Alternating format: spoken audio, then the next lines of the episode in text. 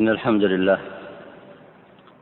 نحمده ونستعينه ونستغفره ونتوب إليه وأشهد أن لا إله إلا الله وحده لا شريك له وأشهد أن محمدا عبده ورسوله. اللهم صل وسلم وبارك على عبدك ورسولك محمد وعلى آله وصحبه أجمعين. سبحانك اللهم لا علم لنا إلا ما علمتنا إنك أنت العليم الحكيم. أيها الإخوة الفضلاء السلام عليكم ورحمة الله وبركاته. هذا الدرس عنوانه أحاديث الترغيب أحاديث الترغيب والترهيب. وموقف العلماء من الأحاديث الضعيفة في الترغيب والترهيب. ولقد سبق للإمام الشاطبي رحمه الله في هذا الكتاب أن تحدث فيما سبق عن طريق الزائغين وصفاتهم. وذكر من صفاتهم وضع الأحاديث وافتراء الكذب على النبي محمد صلى الله عليه وسلم لتصحيح مذاهبهم ولنشر أهوائهم.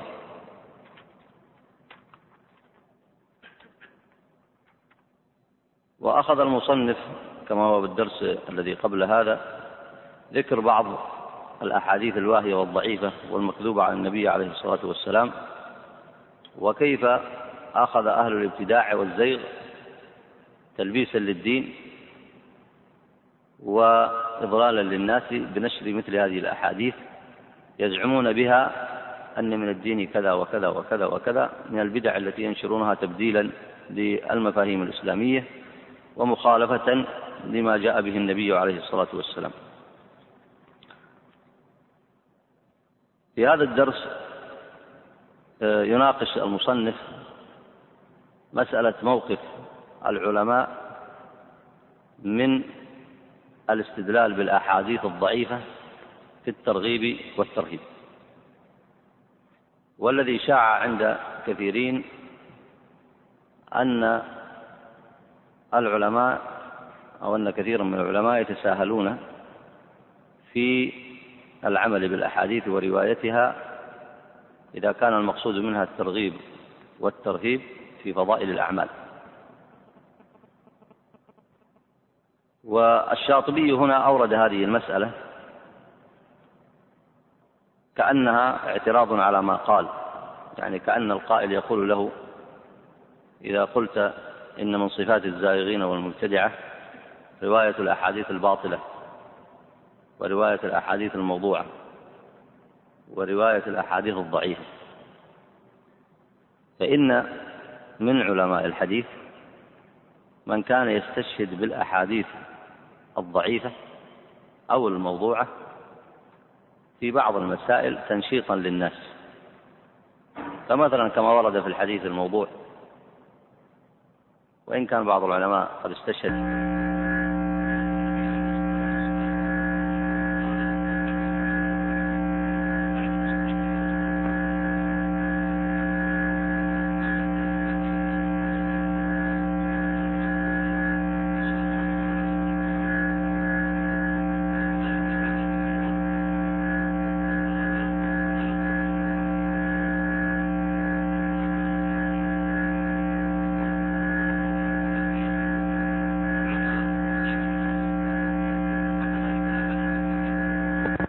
كما ستأتي معكم أمثلة كثيرة لهذا.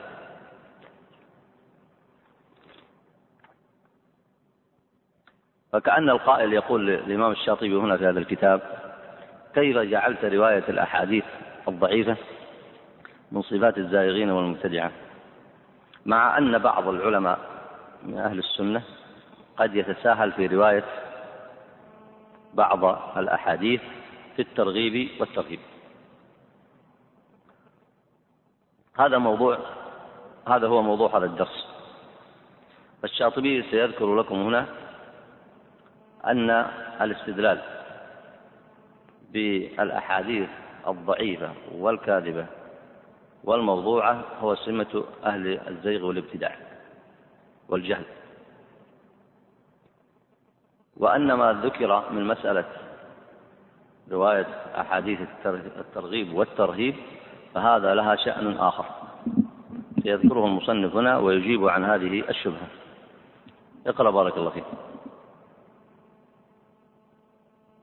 بسم الله الرحمن الرحيم. والحمد لله رب العالمين. وصلى الله وسلم وبارك على نبينا محمد وعلى آله وأصحابه أجمعين.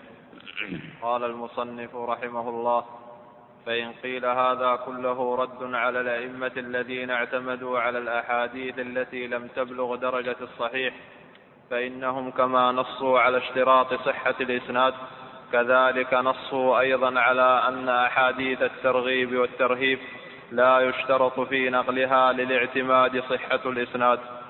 بل إن كان ذلك فبها ونعمت وإلا فلا حرج على من نقلها واستند إليها فقد فعله الأئمة كمالك في الموطأ وابن, وابن المبارك في رقائقه وأحمد بن حنبل في رقائقه وسفيان في جامع الخير وغيرهم. فكل ما في هذا النوع من المنقولات راجع إلى الترغيب والترهيب وإذا جاز اعتماد مثله جاز فيما كان نحوه مما يرجع إليه كصلاة الرغائب والمعراج وليلة النصف من شعبان. وليلة أول جمعة من رجب وصلاة الإيمان والأسبوع وصلاة بر الوالدين ويوم عاشوراء وصيام رجب والسابع والعشرين منه. وما أشبه ذلك فإن جميعها راجع إلى الترغيب في العمل الصالح فالصلاة على الجملة ثابتة ثابت أصلها وكذلك الصيام وقيام الليل. كل ذلك راجع إلى خير إلى خير نقلت فضيلته على الخصوص نقلت فضيلته على الخصوص. وإذا ثبت هذا فكل ما نقلت فضيلته في الأحاديث فهو من باب الترغيب. فلا يلزم فيه شهادة أهل الحديث بصحة الإسناد بخلاف الأحكام. فإذا هذا الوجه من الاستدلال من طريق الراسخين لا من طريق الذين في قلوبهم زيغ. حيث فرقوا بين أحاديث الأحكام فاشترطوا فيها الصحة وبين أحاديث الترغيب والترهيب فلم يشترطوا فيها ذلك. بارك الله فيك. الآن المصنف أوضح هذه الشبهة التي ترد على كلامه وأعيدها مرة أخرى بإيجاز. المصنف في الفصل الأول من هذا من هذا الموضوع أثبت أن من صفات المبتدعة رواية الأحاديث الباطلة والضعيفة والاستدلال بها على مذهبه الشبهة التي ترد عليه هنا كما ذكر لكم أن هناك من العلماء من تساهل في رواية في رواية أحاديث الترغيب والترهيب ولم يشترط فيها صحة الإسناد. يعني يجوز أن تروى الأحاديث الضعيفة في هذا الباب والموضوعة بل يقول هناك من وقع له ذلك بحيث استدل بأحاديث ضعيفة وأحاديث موضوعة. فكيف تقول إن الاستدلال بذلك هو من طريق الزائغين؟ وذكر أمثلة كثيرة. الأمثلة الكثيرة هذه ترجع إلى مسائل بدعية كثيرة. منها قال صلاة الرغائب والمعراج وليلة النصف من شعبان وليلة أول جمعة من رجب وهذه أورد فيها أهل الابتداع أحاديث ولكنها أحاديث ليست بصحيحة. منها ما ذكروه من صلاة رجب. فقد ذكروا بإسنادهم ينسبونه إلى النبي عليه الصلاة والسلام أنه قال ما من أحد يصوم أول خميس من رجب ثم يصلي فيما بين العشاء والعتمة اثنتي عشرة ركعة. يفصل بين كل ركعتين بتسليمة يقرأ في كل ركعة فاتحة الكتاب مرة وإنا أنزلناه بليلة القدر مرة. إلى تفصيل إلى تفصيل كثير في صفة هذه الصلاة. ذكر العلماء أن هذا الحديث حديث موضوع. وكذلك حديث صلاة, صلاة ليلة نصف من شعبان. ذكر العلماء أن هذا الحديث حديث باطل. وكل ما يذكرونه مما يتعلق بذلك من الأحكام. وأضف إلى ذلك بعض الأحاديث التي أوردوها أوردها المرجئة في ذكر آه، عقائدهم أو ذكرها أيضا سائر الفرق في ذكر عقائدهم هذه الأحاديث تساهل فيها بعض أهل العلم فاشترطوا لروايتها أن تكون في باب الترغيب أو الترهيب. لكن هذا القول قول ضعيف. والأشهر عند العلماء والصحيح كما سيذكره الإمام الشاطبي أن هذه المسألة فيها ثلاثة أقوال. فهي تحتاج إلى تحرير والشاطبي أطال في ذلك. لكن نذكر لكم ملخصا مما ذكره أهل العلم في ذلك. سبب النزاع في هذه المسألة يرجع إلى أن الأحكام الخمسة التي هي الوجوب والحرمة والندب والكراهة والاستحباب. من أين تعلم هذه الأحكام؟ من الأدلة الشرعية. والمقصود بالأدلة الشرعية الكتاب والسنة هي الأدلة الصحيحة التي تثبت في الشرع ومنها الحديث الصحيح أو الحسن الذي يثبت عن النبي عليه الصلاة والسلام. فالاستحباب حكم شرعي. يعني إذا رغبنا إنسانا فقلنا له أن هذا الأمر مستحب. أو خوفناه مثلا فإن هذا الأمر يحتاج منا إلى دليل شرعي. فالاستحباب حكم شرعي فلا بد له من دليل لا بد له من دليل صحيح. فذكر العلماء في هذه المسألة التي تم النزاع فيها ثلاثة أقوال. القول الأول أنه لا يجوز أن يروى في مسائل الاستحباب أو الترغيب والترهيب إلا ما يروى في الأحكام الشرعية في الحلال والحرام.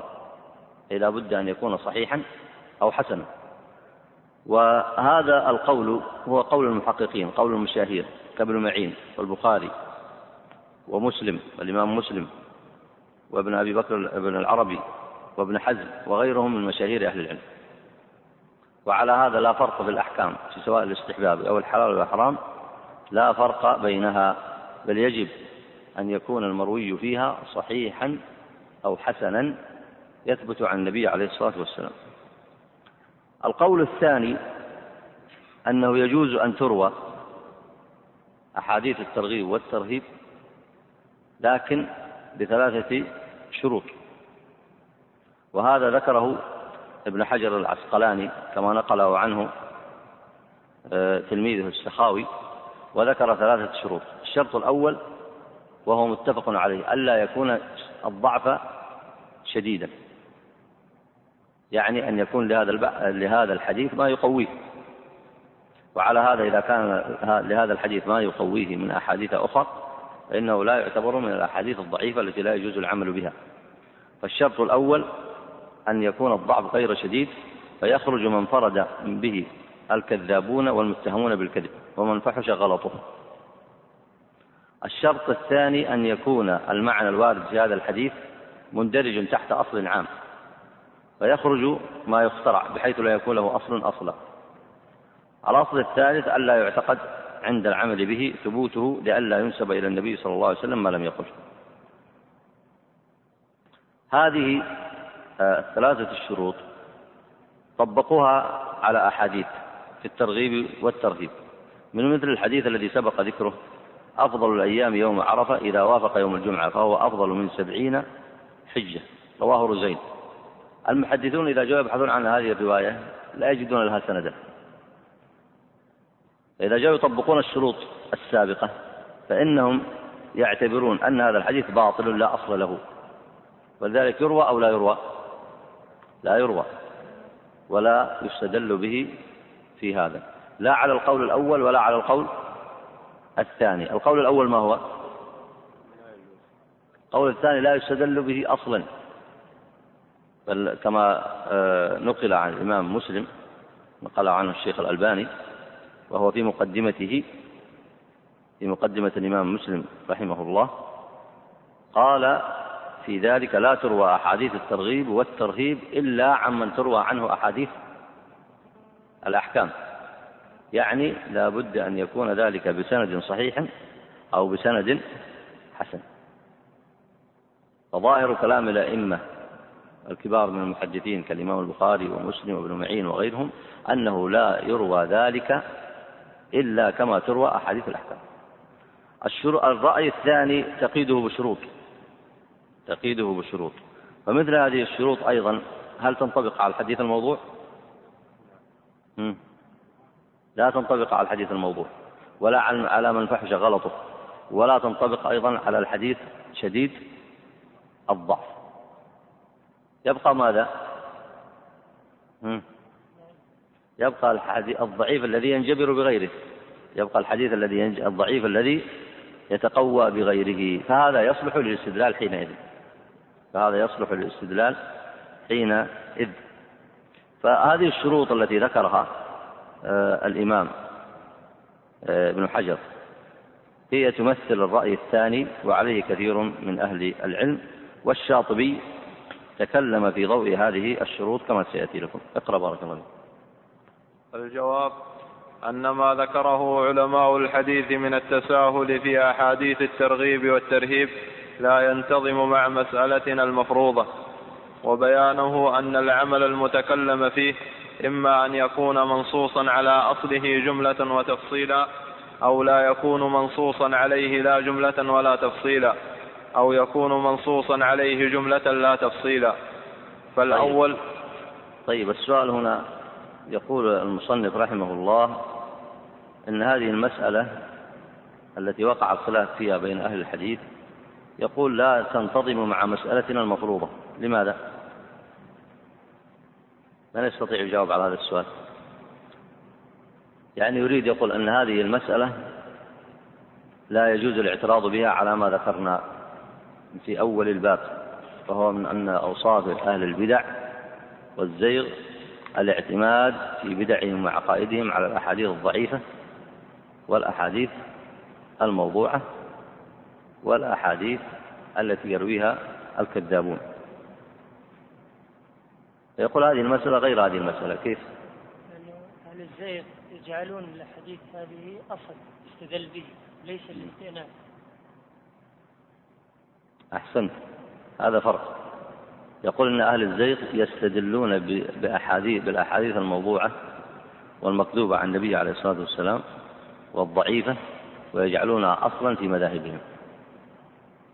ومسألة الاستدلال بأحاديث التساهل في أحاديث الترغيب والترهيب عند من قال به. وهو الرأي الثالث. ذكرت لكم كم الآن رأيين. الرأي الأول رأي أئمة الحديث المشهورين كأحمد والبخاري وابن معين وغيرهم. كالإمام البخاري عفوا كالإمام البخاري ومسلم وابن معين وابن العربي وغيرهم وهم كثير. وسيأتي كلام شيخ الإسلام ابن تيمية أيضا. الرأي الأول هذا أنه لا يجوز أن تروى. لا يروى إلا الحسن أو الصحيح. الرأي الثاني يتساهل في رواية الضعيف في الترغيب والترهيب بشرط ألا يكون شديد الضعف وألا يروى عن الكذابين والوضاعين. ثم زاد ابن حجر شرطا آخر وهو أن يكون له أصل في الشرط ثم ذكر الشرط الثالث. إذا هذا هو المذهب الثاني. المذهب الثالث تساهل عند بعض أهل الحديث يتساهلون في ذلك. كما تساهل المنذري في كتابه الترغيب والترهيب. كما تساهل في كتابه الترغيب والترهيب. الشاطبي يقول إن هذا التساهل في رواية هذه الأحاديث في مجال الترغيب والترهيب الضعيفة ليس من مسألتنا هذه. فبقي الآن ذكر الفروق بين هذه المسألة وبين ما ادعاه الشاطبي من أن من خصائص أو من صفات المبتدعة هو العمل بالأحاديث الضعيفة والموضوعة. زميلكم ذكر الفرق الأول. قال الفرق الأول أن المبتدعة يجعلون ذلك أصلا في الاستدلال عندهم. وعلى هذا أمثلة. منها مثلا المرجئة يروون أحاديث في تصحيح مذهبهم.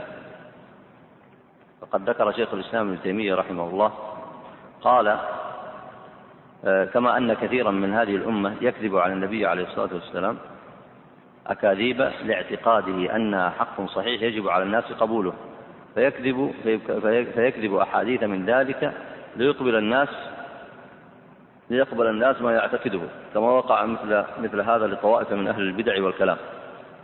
وبعض المتفقهة والمتزهدة. آه، مثل من كان يكذب من علماء المرجئة لتصحيح مذهبهم والكرامية يكذبون أحاديث توافق قولهم. ومثل بعض المتفقهة الذين كذبوا كذبوا أحاديث توافق رأيهم توافق رأيهم لاعتقادهم أنه صدق. ومثل طائفة من أهل الزهد والعبادة كذبوا أحاديث في الترغيب والترهيب. وقالوا نحن كذبنا له ما كذبنا عليه. لاحظتم الآن؟ هذا النوع في التساهل والكذب في هذه الأحاديث ورد في بقاع كثيرة وورد عند هؤلاء جميعا. لكن النوع الأول من المبتدعة يجعلونه أصلا في أي شيء؟ في تصحيح مذاهبهم. والدليل على ذلك نضرب لكم دليلا واحدا على ذلك آه،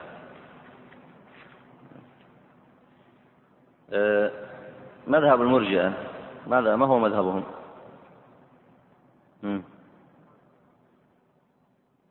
ما هو مذهبهم؟ مذهبهم أن الإيمان عندهم لا يضره شيء مهما عمل من الكبائر. وغلاتهم يذهب إلى أن الإيمان يرسو في القلب كما ترسو الجبال لا يغيره شيء من المخالفات لا ينقصه كالكبائر ولا يزيله شيء. ومن قال بلسانه أو اعترف بقلبه يكفيه ذلك. وإن لم يعمل فيعزلون العمل عن الإيمان. فمن أحاديثهم التي آه، يروونها في هذا الباب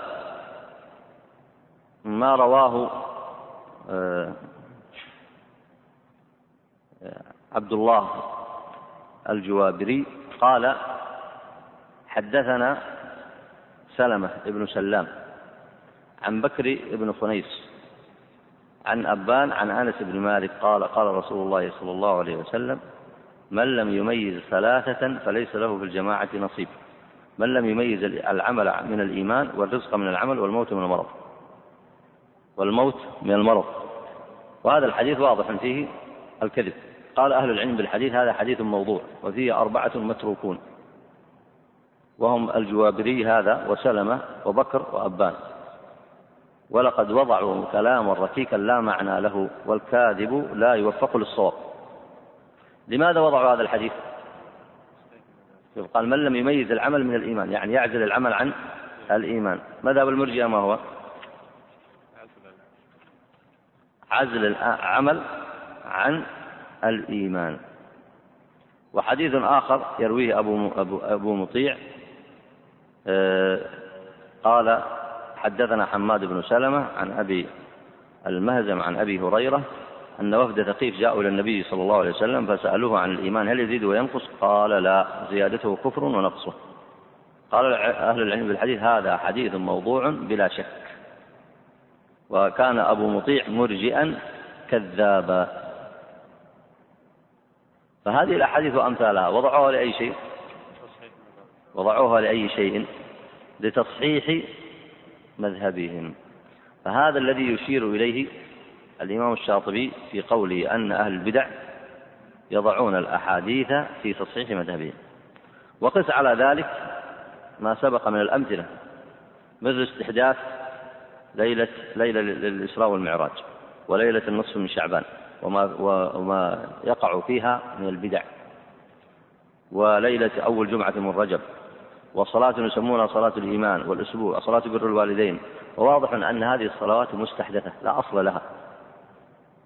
فهذه وضعوا فيها أحاديث موضوعة على النبي عليه الصلاة والسلام. وبعضها فيها أحاديث شديدة الضعف فيها متهمون بالكذب.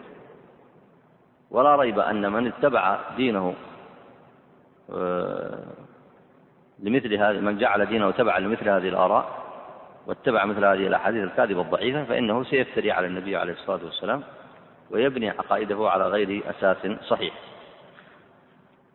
فهذه المقارنة أو هذه الأمثلة تبين لك أن هذا الذي ذكره الشاطبي من صفات الزائغين هو كلام صحيح.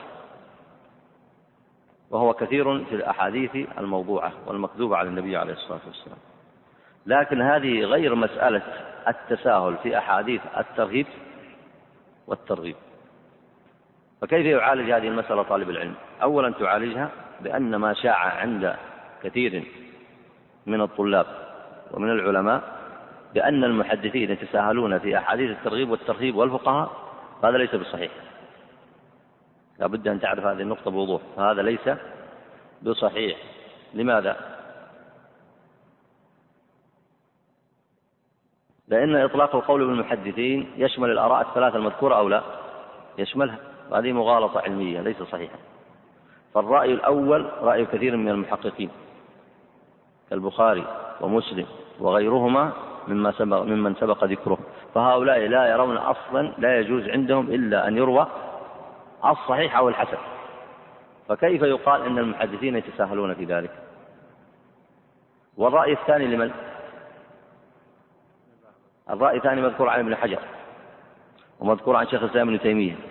ومذكور عن الشاطبي هنا. ومذكور عن كثير من أهل العلم. اشترطوا ثلاثة شروط أو لا؟ اشترطوا ثلاثة شروط. فهل هؤلاء يتساهلون؟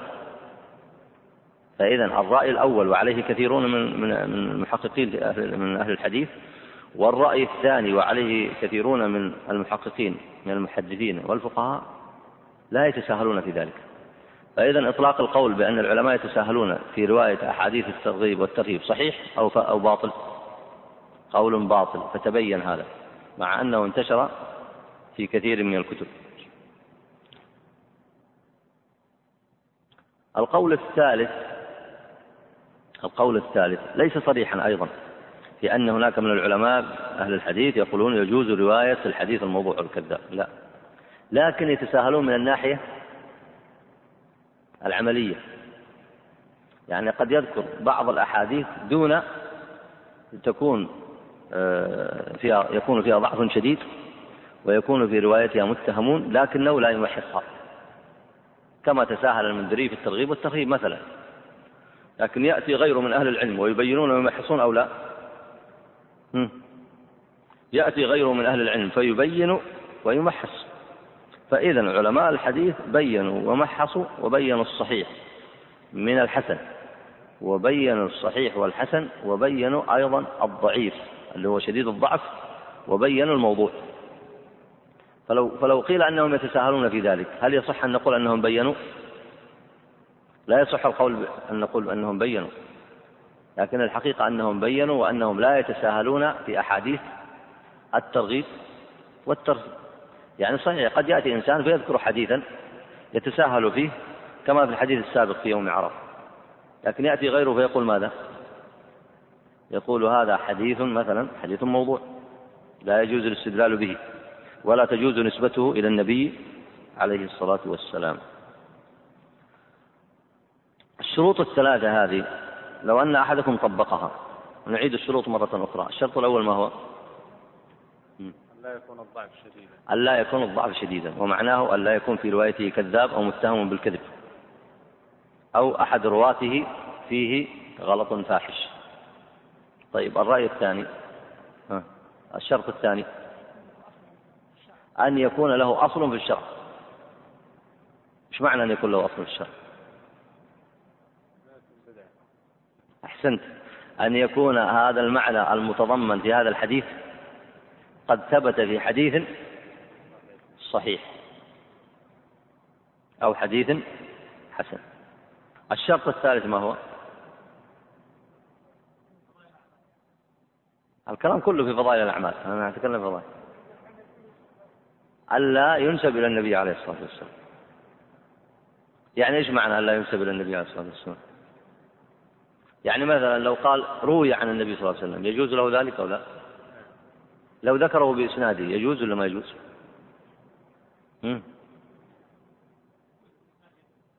يجوز بإسناده لماذا؟ لأن العلماء كانوا إذا ذكروا الأسانيد قد سقطت عنهم العهدة أنت تميز أو تسأل من يميز فقد يذكرون الأسانيد فإذا ذكر الأسانيد سقط عن العهدة لأنه ذكر لك الإسناد الذي ينبغي أن تعرف به العدل من غير العدل. والعهدة عليك أنت. فإذا كنت لا تعلم تسأل غيرك والعلماء علماء الحديث يعرفون ذلك.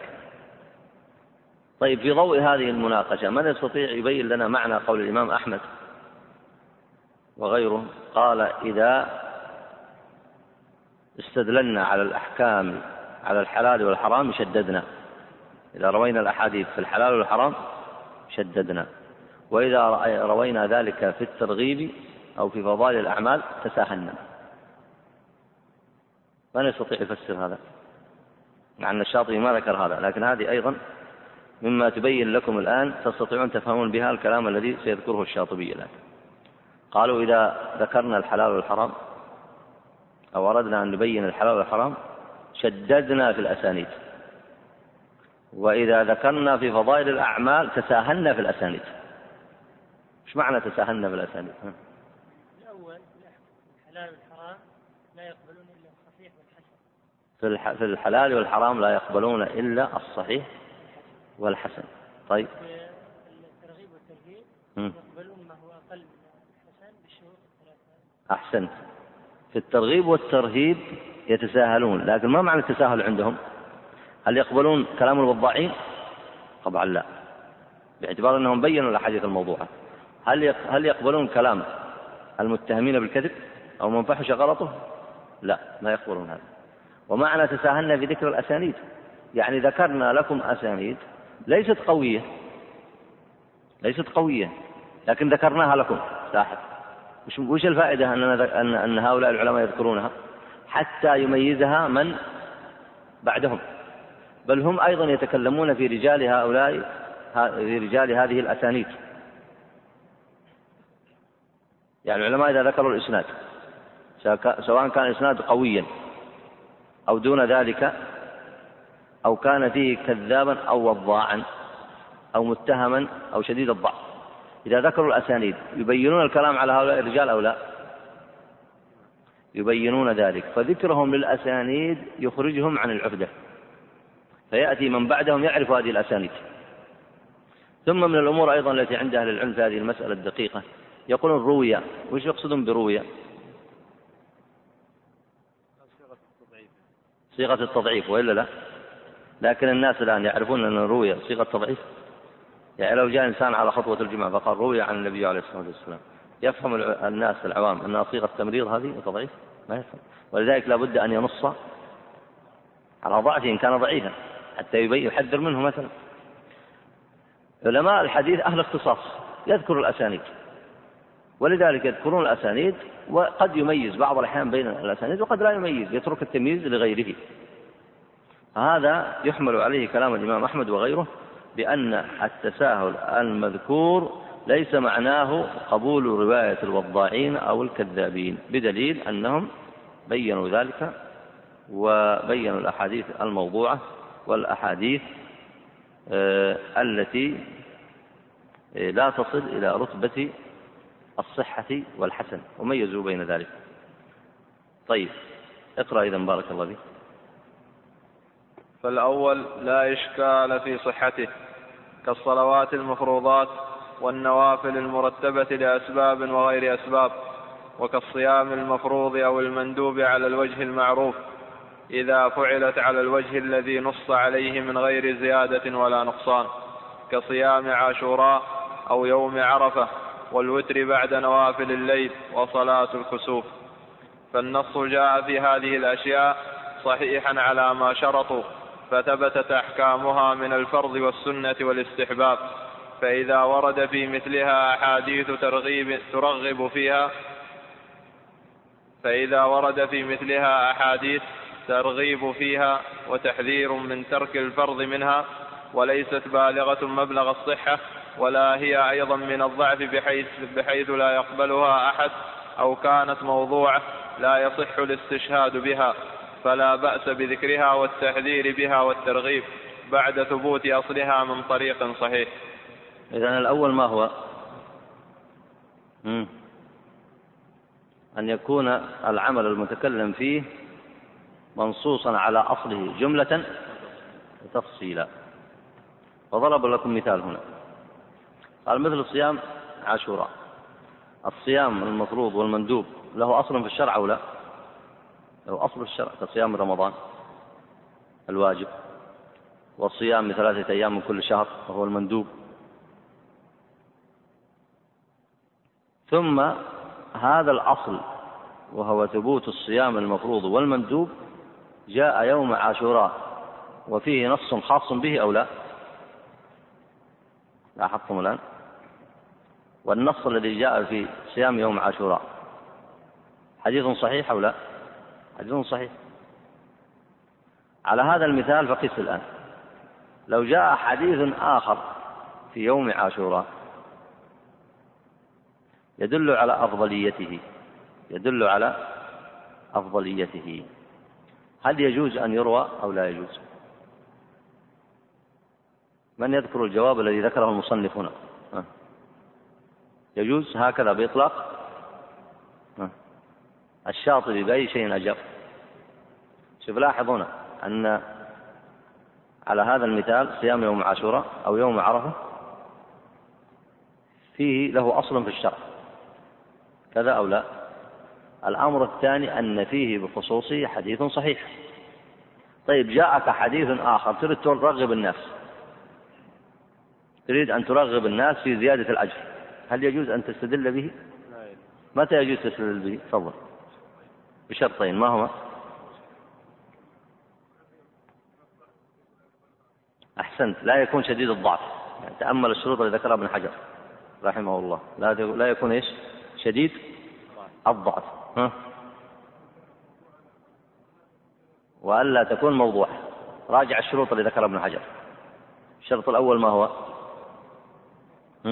ألا يكون شديد الضعف وألا يكون موضوع يرويه الكذابون أو أن يكون فيه راويه فيه غلط فاحش. حتى هذه شوف ما يجوز لك أن ترويها لا حق الآن. فإذا هذا كلام من؟ هذا كلام المحققين من المحدثين والفقهاء. طيب. اقرأ الثاني. والثاني ظاهر أنه غير صحيح وهو عين البدعة. لأنه لا يرجع إلا لمجرد الرأي. ما هو الثاني؟ لا يكون له أصل. ما هو الثاني؟ تفضل. ألا يكون منصوصا عليه. لا جملة ولا تفصيل أي نعم. لأنه لا يرجع إلا لمجرد الرأي المبني على الهوى وهو أبعد البدع وأفحشها كالرهبانية المنفية عن الإسلام. هذه لا أصل لها في الإسلام؟ لا من حيث الأدلة العامة ولا من حيث الأدلة الخاصة أي نعم والخصاء لمن خشي العنت والتعبد بالقيام في الشمس أو بالصمت من غير كلام أحد فالترغيب في مثل هذا لا يصح إذ لا يوجد في الشرع ولا أصل ولا أصل له يرغب في مثله أو يحذر من مخالفته. لاحظت وقس على ذلك ما سمعته الآن من الأحاديث في بيان فضل إيش؟ في بيان فضل الإرجاء. أن هذا لا أصل له لا من حيث الجملة ولا من حيث التفصيل. وقس على ذلك ما سيأتي معكم من الأحاديث يذكرها المصنف عند كثير من أهل الأهواء. طيب اقرأ الثالث. والثالث ربما يتوهم أنه كالأول. الذي إيش هو الثالث؟ ما هو الثالث؟ جملة. منصوص عليه جملة لكن ليس فيه دليل تفصيلي. اقرأ بارك الله من جهة أنه إذا ثبت أصل عبادة في الجملة فيسهل في التفصيل نقله من طريق غير مشترط الصحة فمطلق التنفل بالصلاة مشروع فإذا جاء ترغيب في صلاة ليلة النصف من شعبان فقد عضده أصل الترغيب في صلاة النافلة. وكذلك إذا ثبت أصل صيام ثبت صيام السابع والعشرين من رجب وما أشبه ذلك. هذا قول من يجيز مثل هذه الروايات. وسيناقشها المصنف الآن. اقرأ مناقشة المصنف لهذا القول. وليس كما توهموا لأن الأصل إذا ثبت في الجملة لا يلزم إثباته, إثباته في التفصيل. فإذا ثبت مطلق الصلاة لا يلزم منه إثبات الظهر والعصر أو الوتر أو غيرها حتى ينص عليها على الخصوص. لاحظ الآن هذا من أقوى الحجج في المناقشة. لأن الثالث هو الذي دخلت به الشبهة على كثير آه، من أهل الابتداع. فيقول مثلا ما المانع أنني أزيد عبادة معينة أو أجعل لليلة النصف من شعبان نوافل معينة أو طرقا من العبادة معينة أو ليلة مثلا الإسراء والمعراج أو كثيرا من الليالي؟ لماذا لا أجعل؟ وأنا لن أجعل في ذلك اليوم إلا صياما والصيام مشروع في الأصل. أنا ما جئت بجديد. وكذلك في تلك الليلة أجعل أنواعا من العبادات وتلك العبادة مشروعة في الأصل. الشاطبي هنا على طريقة المحدثين والفقهاء المحققين أجاب بجواب قوي. قال إذا ثبت مطلق الصلاة الصلاة الآن ثابتة أو لا؟ في شرائع الإسلام كلها عند الأنبياء. لكن هل يجوز لك لو لم يرد الظهر أو العصر أو الوتر أن تشرع هذا؟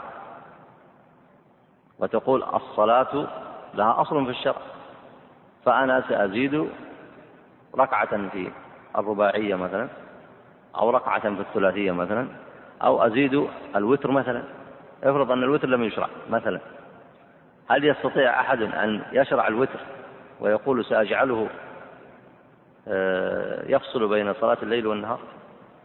ويقول الصلاة في أصلها مشروعة لا يجوز لأحد ذلك. فإذا لا بد في العبادة من نص خاص أو لا؟ لا بد لها من نص خاص سواء في ليلة أو في وقت أو في هيئة أو في مقدار أو في عدد. لا بد لها من نص خاص. إي نعم اقرأ بارك الله وكذلك إذا ثبت فإذا ثبت فإذا ثبت مطلق الصلاة. مطلق الصلاة؟ اللي قبلها هي اقرأ من الأول وليس, وليس كما توهم. كما توهموا لأن الأصل إذا ثبت في الجملة لا يلزم إثباته في التفصيل. فإذا ثبت مطلق الصلاة لا يلزم منه إثبات الظهر والعصر أو الوتر أو غيرها حتى ينص عليها على الخصوص. وكذلك إذا ثبت مطلق الصيام لا يلزم منه إثبات صوم رمضان أو عاشوراء أو شعبان أو غير ذلك. حتى يثبت بالتفصيل بدليل صحيح. ثم ينظر بعد ذلك في أحاديث الترغيب والترهيب بالنسبة إلى ذلك العمل الخاص الثابت بالدليل الصحيح.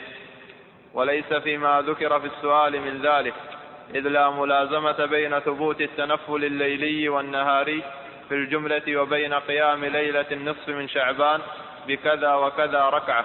يقرأ في كل ركعة منها بصورة كذا على الخصوص كذا وكذا مرة ومثله صيام اليوم الفلاني من الشهر الفلاني حتى تصير تلك العبادة مقصودة على الخصوص. مقصودة. مقصودة على الخصوص. ليس في شيء من ذلك ما يقتضيه مطلق مطلق شرعية التنفل بالصلاة أو الصيام. والدليل على ذلك أن تفضيل يوم من الأيام أو زمان من الأزمنة بعبادة ما يتضمن حكما شرعيا فيه على الخصوص كما ثبت لعاشوراء مثلا أو لعرفة أو لشعبان مزية على مزية على مطلق التنفل بالصيام.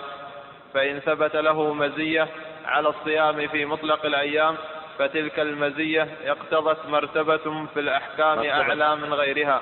مرتبة في الأحكام. مرتبة في الأحكام أعلى من غيرها.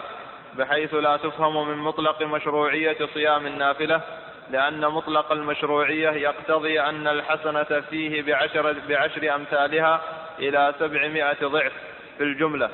وصيام يوم عاشوراء يقتضي أنه يكفر السنة التي قبله. فهو أمر زائد على مطلق المشروعية ومساقة يفيد له مزية في الرتبة. ومساقه إيه؟ مساقة يفيد ومساقه له ومساقه ومساقه. ومساقه يفيد له مزية في الرتبة وذلك راجع إلى الحكم. تأمل هذا المعنى الدقيق الآن. أولا يقول لا يجوز أن يقال أن هذا العمل له أصل في الشرع في الشريعة فنحن نعمل مثله. ما الذي أدراك أنك تعمل مثله؟ فمثلا الصيام له أصل في الشرع. اللي هو صيام رمضان. الواجب وصيام التطوع في مسائل في أحكام كثيرة بينها الشرع. إذا جئت بأيام أخر تثبت لها مزية في الصيام. فهذه المزية حكم أو ليست بحكم؟ حكم خاص كذا أو لا؟ الآن من أين عرفنا أن لعرفة مزية؟ يوم عرفة مزية. من النص الشرعي؟ ومن أين عرفنا أن اليوم عاشوراء مزية؟ من النص الشرعي. وهذه المزية تقتضي حكم تقتضي أفضلية هذا اليوم وتقتضي أجرا معينا وتقتضي حثا لصيام هذا اليوم وغير ذلك من الأحكام. هذه أحكام والأحكام لا تثبت إلا بأحاديث صحيحة أو حسنة عن النبي عليه الصلاة والسلام. فلا بد من دليل شرعي. فلاحظ هذا المعنى. قال وكل ذلك راجع إلى الحكم. يعني هذه الميزة الموجودة في هذه الأيام كعرفة مثلا كيوم عرفة ويوم عاشوراء وكل ما ورد في الشرع هذه ميزة لهذه الأيام على الخصوص ولا يمكن أن نعلم ذلك إلا عن طريق الشرع. فكونك تأتي بأيام أخرى فتقول إن أصل الصيام موجود فأصنع فأبني على هذا المعنى الأصلي في الشرع فنقول لك من أين لك؟ كيف تستطيع أن تعلم؟ نحن لم نعلم في حق صيام يوم عرفة ويوم عاشوراء لا نعلم ذلك من عندنا. فكيف أنت علمت ذلك في سائر أيام أخرى أنت تعددها من عند نفسك. فإذا لا يكفي ولا يجوز أن يتخذ ذلك سببا في شرعية كثير من العبادات المبتدعة بناء على أن جنسها قد ورد في الشرع. لا يكفي أنه ورد شيء من مثلها في الشرع. وعلى هذا الصيام الواجب من حيث الأصل ورد في رمضان. ولا نقول أن هذا اليوم يشرع صيامه وفيه من الأجر كذا وكذا وكذا إلا بدليل خاص. فإذا الأمر الثالث الذي يناقشه الشاطبي هنا أن يكون العمل منصوصا عليه جملة لا تفصيلا فإذا كان منصوصا عليه بالجملة لا يجوز العمل بشيء تفصيلي في إثبات عبادات في أيام أخر إلا بدليل أيضا إلا بدليل تفصيلي.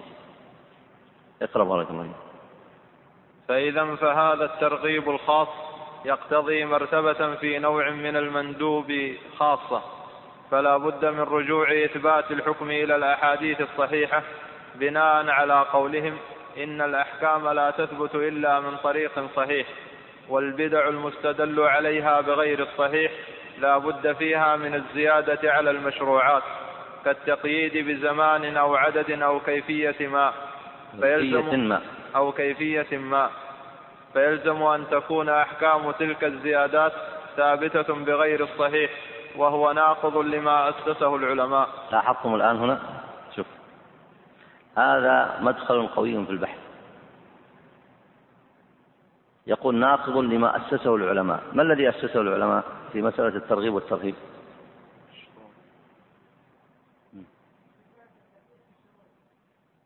طيب. وأيضا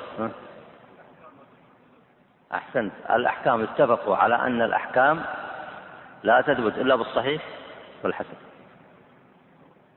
هذا قبل الخلاف في مسائل في فضائل الأعمال كذا أو لا؟ يعني عندك نوعين. عندك الأحكام أحكام الحلال والحرام. والأمر الثاني الترغيب والترهيب في فضائل الأعمال. الحكم لا يثبت إلا بدليل صحيح أو حسن. قال الشاطبي هذا باتفاق العلماء. طيب إذا قلنا في هذا العمل أفضلية أو ذاك العمل أفضلية هذا إثبات حكم أو ليس إثبات حكم؟ هم. إثبات حكم ولا لا؟ إثبات حكم على أن إثبات حكم. إثبات حكم لهذا اليوم على الخصوص. إثبات حكم لهذه العبادة على الخصوص. كذا أو لا؟ بل وفيه إثبات الأجر على هذه العبادة. فإثبات الحكم إذا رجعنا إلى القاعدة لا بد فيه من الدليل الصحيح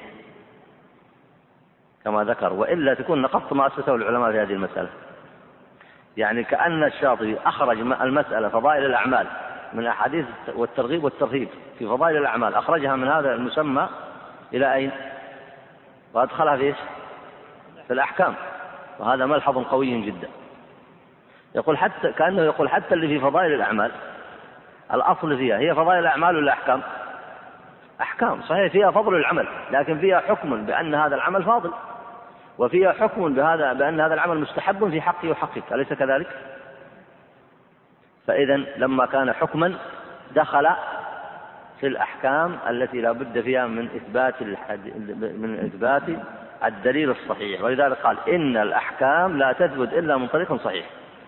ثم قال من زاد في شيء من المشروعات كالتقييد بزمان أو عدد أو كيفية فيلزم أن تكون أحكام تلك الزيادات إذا أثبتها بغير الحديث الصحيح تكون ناقضة لما أسسه لما أسسه العلماء في هذا الباب. أي نعم. طيب اقرأ بارك الله ولا يقال إنهم يريدون أحكام الوجوب والتحريم فقط. لأننا نقول هذا تحكم من غير دليل بل الأحكام خمسة فكما لا يثبت الوجوب إلا بالصحيح فكذلك لا يثبت الندب والكراهة والإباحة إلا بالصحيح.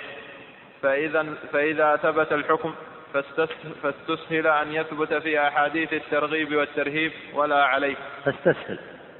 يقول إذا أنت الآن ثبتت الأحكام ما هو في الحلال والحرام فقط؟ شوف. الأحكام كم خمسة الحل والحرمة ها؟ والندب والكراهة والإباحة. والندب يدخل فيه المستحب. فكل هذا لا تثبته. يعني لو جيت لعمل فاضل تقول هذا مستحب. فاضل إيش معنى فاضل؟ يعني مستحب له ميزة في الشرع. فهذا حكم يدخل بالأحكام الخمسة. لا بد من أحاديث صحيحة فيه لا بد من الدليل الصحيح.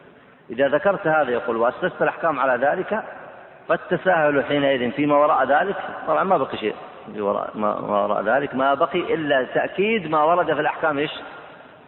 ها؟ ما ورد في الأحكام الخمسة. لأنك إذا جئت مثلا بأمر مستحب وهو فضيلة من الأعمال فعلى شرط المحققين هنا لابد أن تذكر حديثا صحيحا.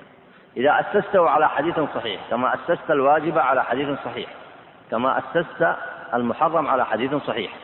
طيب.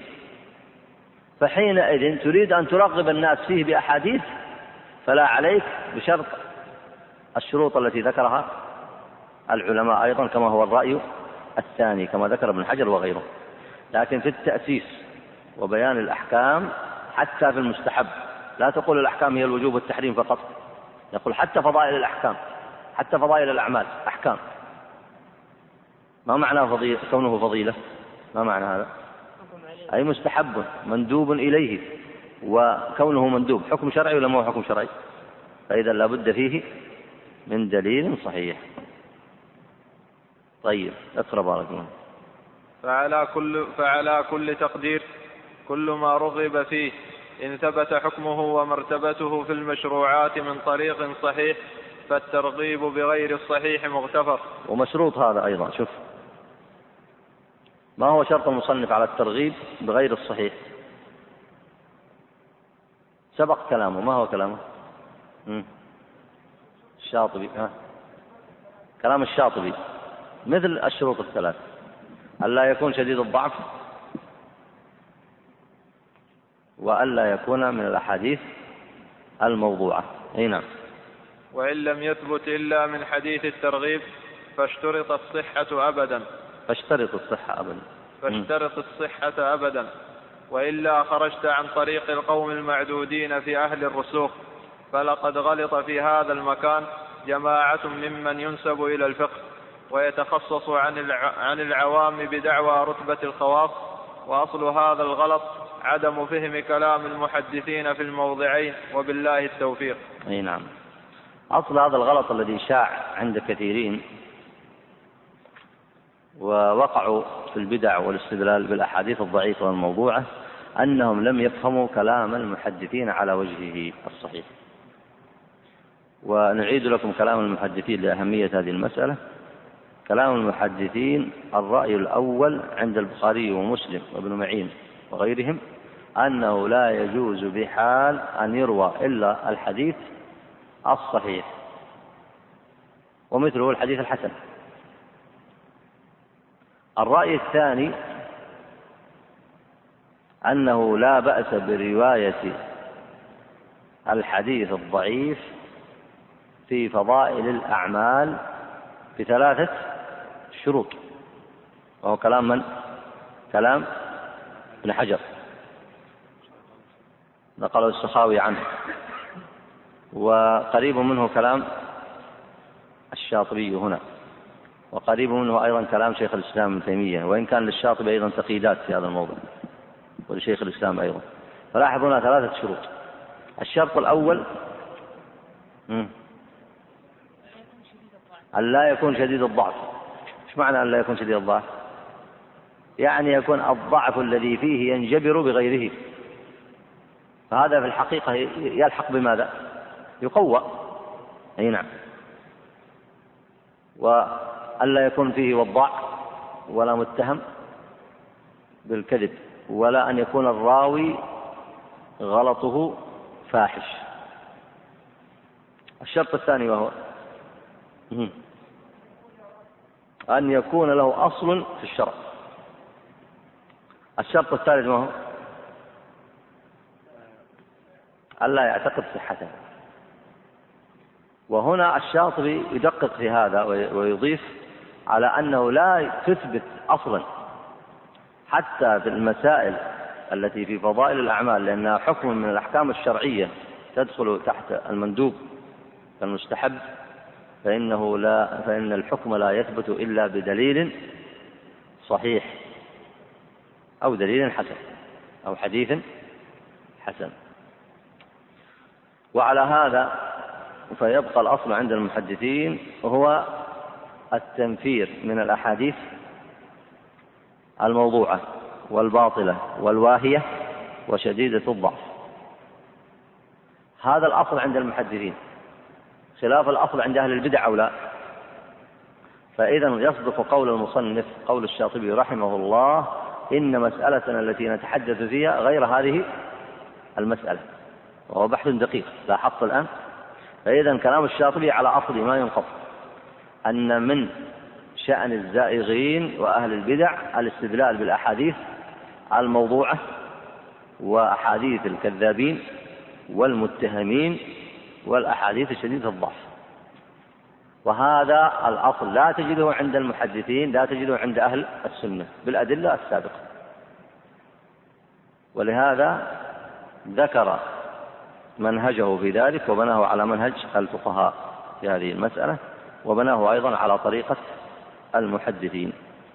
فتنبه لذلك وينبغي لطلاب العلم والعلماء والخطباء أن يعتمدوا بل الواجب عليهم أن يكون اعتمادهم في العقائد وفي الأحكام الشرعية على الأحاديث الصحيحة التي تثبت عن النبي عليه الصلاة والسلام. ولا يجوز بحال من الأحوال أن يعتمد المسلم على حديث لم يثبت عن النبي عليه الصلاة والسلام. لا يغلب عليه الظن أنه ثبت بطريق صحيح عن النبي عليه الصلاة والسلام.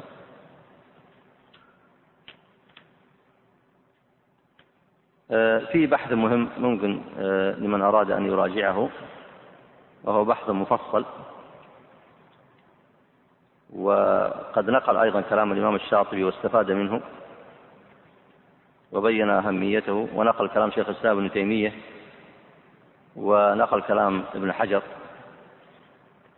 رحمهم الله جميعا وذكر أيضا كلام آه، المحدثين في هذا. وهذا البحث في مقدمة آه، كتاب الشيخ الألباني آه، الجامع الصغير وزياداته أظن. في هذا ها؟ في صحيح الجامع ها؟ في صحيح الجامع له بحث وله أيضا بحث مفصل. أي نعم. فيمكن أن تراجعوا هذا البحث فإنه بحث مفصل ومفيد.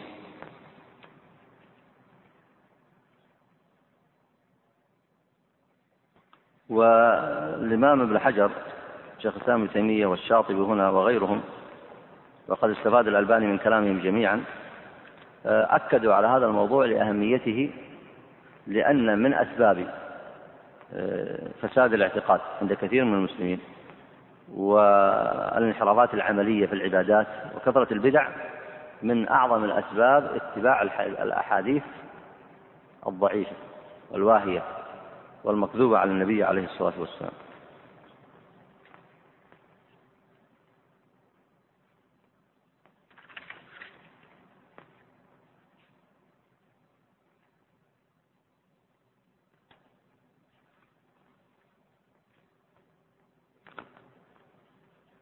الدرس القادم إن شاء الله حول آه،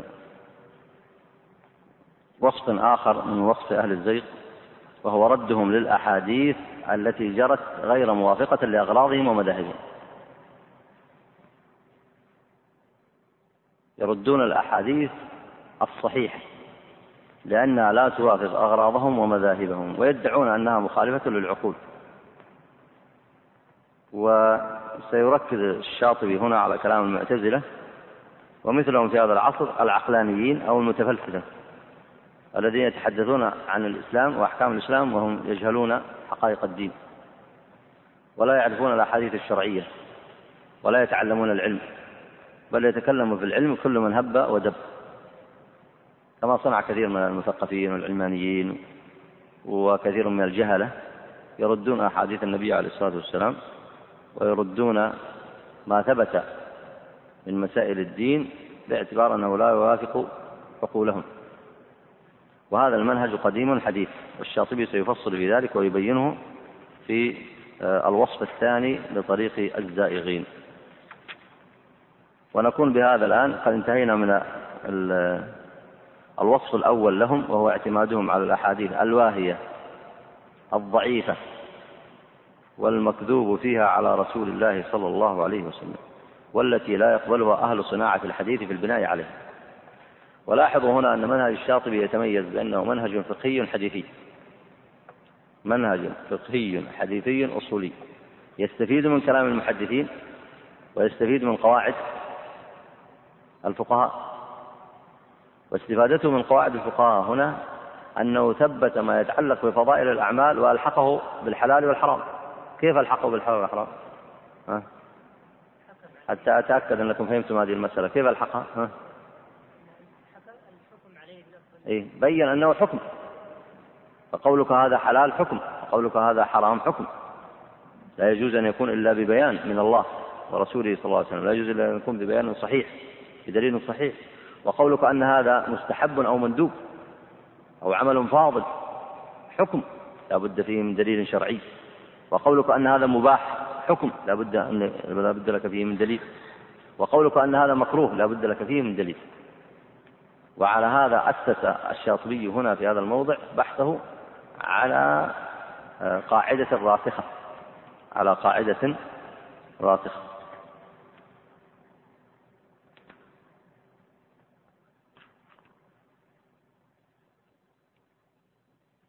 كم بقي من الوقت؟ أي تفضل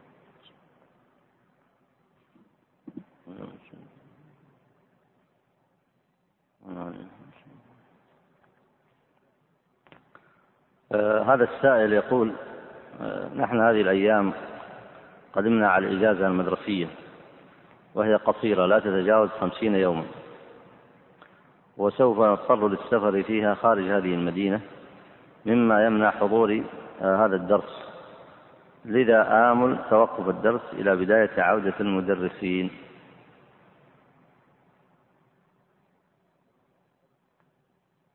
هذا ما دام رأي فردي ما أظن الإخوان يوافقون عليه. هو يعني الجمع بين أمرين. أن نأخذ من الدروس ما نتمكن منه في الإجازة. فإذا احتجنا إلى إيقافه في آخر الإجازة أسبوع أو أسبوعين فلا بأس. لكن نستمر الآن والله المستعان. ما رأيكم في هذا؟ إيش فيكم ساكتين؟ أنا ظروفي تبع لمطلبكم والله المستعان. أنا ما عندي مانع أبقى معكم. لكن الإجازة لها ظروف صحيح. لكن الأمر يرجع لكم أنتم. هل ترون أن أنا أخبرتكم برأيي بإمكان الاستمرار حتى يعني ما أحرجكم وتقولون آه يعني آه تحقيقا لرغبتي لا نستمر. ومع ذلك إذا رغبتم أنتم أن يوقف الدرس إلى بداية الدراسة فأنا لا مانع عندي.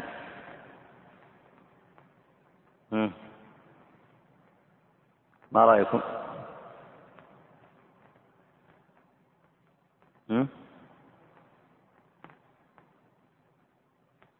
وش والساكتين وش رأيهم؟ هم؟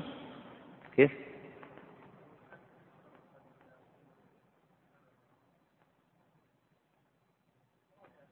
ها؟ لا أنتم وش وش مصلحتكم أنتم؟ إذا كان أحد منكم يسافر ها؟ إيقافه؟ ها؟ طيب ها؟ هذه الجهة معروف رأيها. طيب وأنتم؟ ها؟ كما تريدين. يعني كما تريدون. يعني الأنسب لكم. الأمر سهل إن شاء الله. يكون لها كلها مدة يعني 45 يوم أو قريب من هذا ونبدأ إن شاء الله.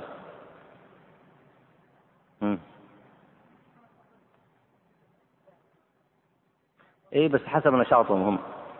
حسب النشاط.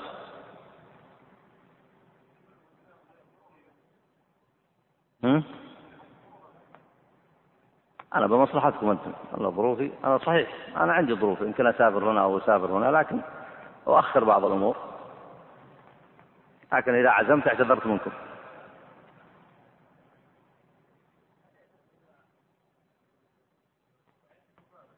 استمر أسبوعين؟ طيب. أستمر معكم أسبوعين ونعطيكم نصف الإجازة راحة حتى بداية الدراسة إن شاء الله. ماشي.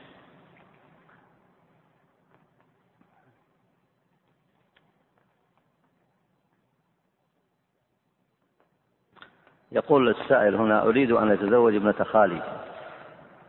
أه، ولكن والدتي تشك بأن جدتي قد أرضعتني. على أي حال؟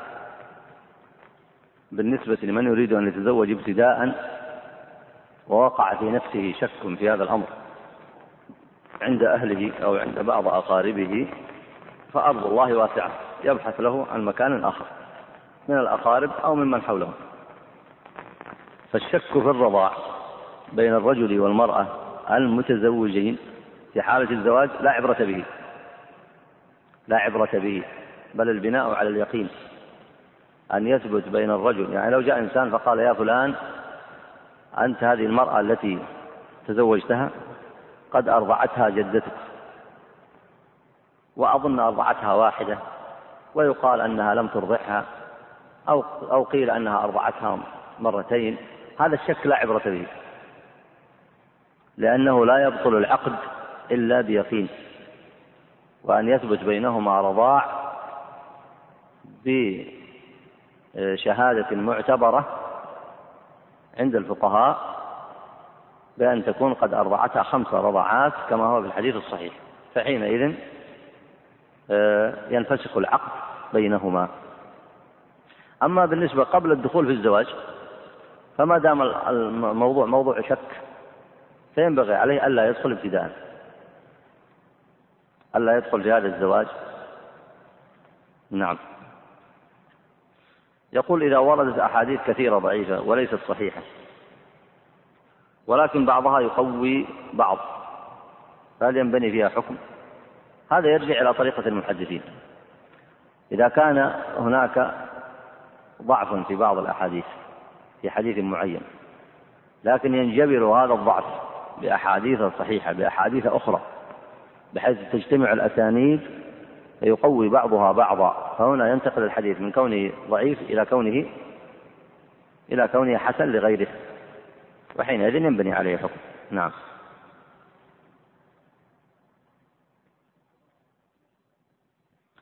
يقول هنا لقد سمعت بأن حديث قد أظلكم شهر عظيم مبارك أي في فضيلة رمضان. من أدى فيه فريضة كان كمن أدى سبعين فريضة في ما سواه.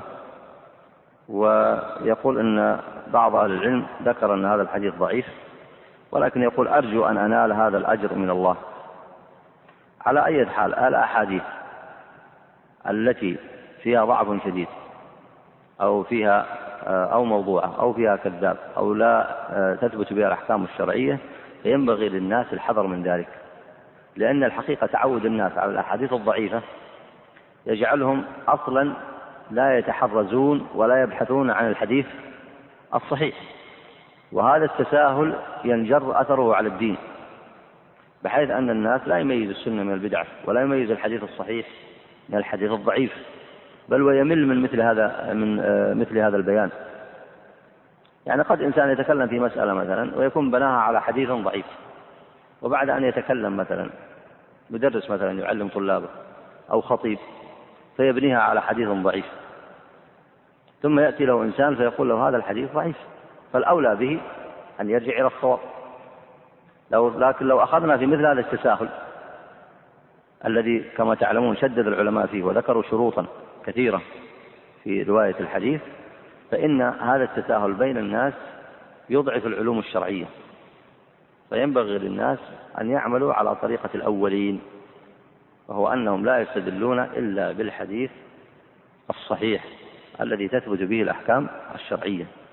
ثم هناك أمر آخر في الأحاديث التي فيها من فعل كذا فله كذا ومن فعل كذا فله كذا ومن صنع هذا الأمر. مثل حديث كنت طالع اليوم في بعض الكتب من أذن في إذن المولود وحديث صحيح لكن مروي برواية أخرى. مروي برواية إن صح التعبير تشجيعية. لهذا العمل اللي هو اللي هي زيادة أجر. قال من أذن في إذن المولود فإنه يحفظ من أم الصبيان. هذا يمكن يريد يشجع الناس على العمل بهذه السنة. فمثل هذه الاعتقادات قد تكون في بعض الأحاديث الضعيفة والواهية. معاني أخرى أنت ما تلاحظها. تعطي للناس اعتقادات فاسدة. لكن كلام المعصوم عليه الصلاة والسلام الذي يثبت عنه كل كلمة فيه معجزة في لفظها متضمنة لمعنى صحيح ولفائدة عظيمة غير الكلام الذي يضيفه الناس من عند أنفسهم. كلام بشر عاديين يضيف كلاما فينسبه للنبي عليه الصلاة والسلام. فإذا تساهلت في قبول هذا الكلام حتى لو قلت أنا لا أعتقد أن النبي قاله وأنا لا أقول أن النبي قاله طيب ما دمت لا تعتقد أن النبي قاله. ولا تجيز لنفسك أن تنسبه إلى الشر فلماذا ترويه ثم كلام الناس العاديين فيه إيحاءات وفيه تأثير على الناس وقد يتضمن معاني فاسدة. قد يقول الإنسان في أول الكلام شيئا صحيحا وفي آخر الكلام شيئا خطأ. فلماذا تجعل تعرضه على الناس كأنه دين؟ إذا عرضته على الناس كأنه دين. وكثير من الناس يجهلون ما يفرقون بين الأحاديث الصحيحة والحسنة. يفهم هذا الحديث المعروض عليه أنه يستفيد من جميع ما ورد فيه أو لا؟ فبهذا تكون أوقعت الناس في إشكال. ولذلك الصحيح في الصحيح غنية عن الضعيف. ويا ليت يعني العلم بالصحيح وبأحاديث النبي عليه الصلاة والسلام ينتشر بحيث يعلمه الناس فإن في ذلك كفاية وينبغي للناس أن يحذروا من الأحاديث التي لا يحتج بها. وهي كما سبق الأحاديث الضعيفة شديدة الضعف التي لا تنجبر بغيرها وكذلك الأحاديث الموضوعة وأحاديث المتهمين الذين يكذبون عن النبي عليه الصلاة والسلام ويزعمون أنهم يكذبون لمصلحته. ومصلحة الدين ليست في رواية الأحاديث آه، الضعيفة والموضوعة بل مصلحة الدين هو في تعلم العلم الصحيح والبعد عن هذه الأحاديث وبيان خطرها على الناس سواء في مسائل الاعتقاد أو في مسائل الأحكام. هذا وصلى الله وسلم على نبينا محمد وعلى آله وصحبه أجمعين.